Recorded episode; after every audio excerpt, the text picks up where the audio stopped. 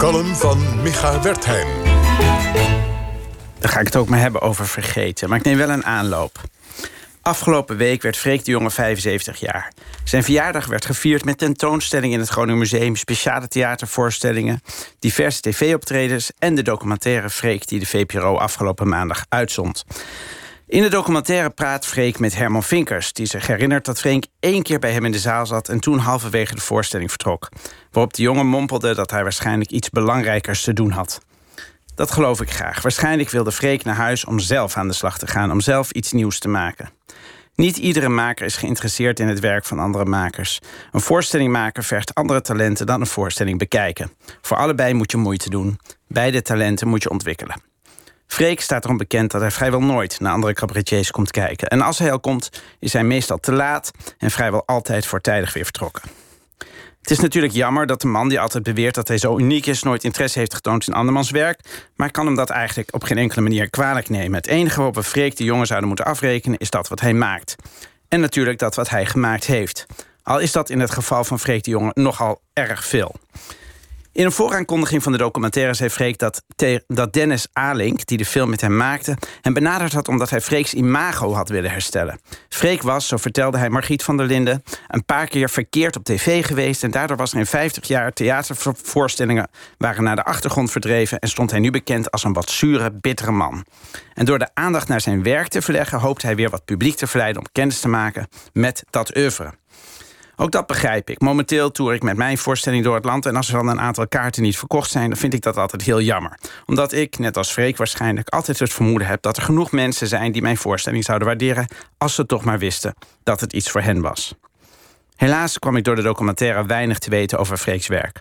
Wat we zagen waren korte in zwart-wit gefilmde conferences... gesprekjes en interviews die allemaal gingen over hoe belangrijk en uniek Freek de Jonge is.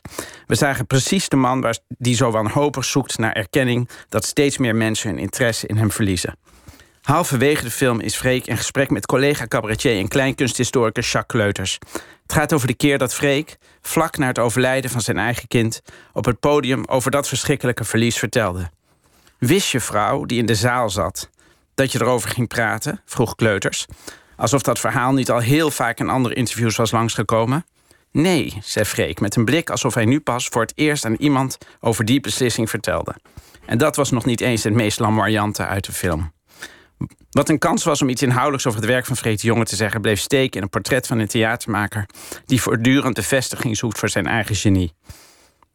En dat is waarschijnlijk ook de reden waarom Freek op zijn verjaardag met veel bombarie alle bibliotheken in Nederland... het verzameld werk van Nederlands Hoop in Bange Dagen cadeau heeft gegeven. Drie boeken, negen dvd's, drie cd's en een EP voor iedere bibliotheek in Nederland. Freeks angst om vergeten te worden staat in fel contrast... met de onbezorgdheid van Cas en de Wolf. Een theaterduo dat minstens zo vernieuwend, relevant en vermakelijk was... als Freek en Bram in hun hoogtijdagen. Maar van Cas en de Wolf heb ik nooit een voorstelling gezien. Ze hebben nooit een voorstelling opgenomen. Alles wat ik over Cas en de Wolf weet, heb ik van horen zeggen. Willem de Wolf zit nu bij Compagnie de Koe. Een Vlaams toneelgezelschap waarvan ik inmiddels groot fan ben. Maar waar ik geen voorstelling van wil missen. Hoe vaker ik ze aan het werk zie, hoe meer spijt ik heb dat ik zoveel gemist heb. Compagnie de Koe bestond afgelopen seizoen 30 jaar. En om dat te vieren maakten ze een boek dat niets anders is dan een script... waarin de acteurs zich op papier afvragen... waarom ze, geschreven, zoveel minder actief zijn zoveel minder effectief zijn dan op toneel. Het is een wonderlijk boek, vol voetnoten... waarin het geheim van theater besloten lijkt te liggen... zonder dat je het er precies uit kunt halen. En in een van die vele voetnoten vertelt Willem de Wolf... dat het geen toeval was dat hij en Ton Kras nooit een voorstelling hebben opgenomen. Volgens de Wolf onderscheidt theater zich van alle andere kunstvormen... omdat het vluchtig is. Omdat je het niet kunt vastleggen. Juist in dat vluchtige en vergankelijke zit haar kracht. En dat alles deed me denken aan de eerste les die studenten op de archiefschool leren.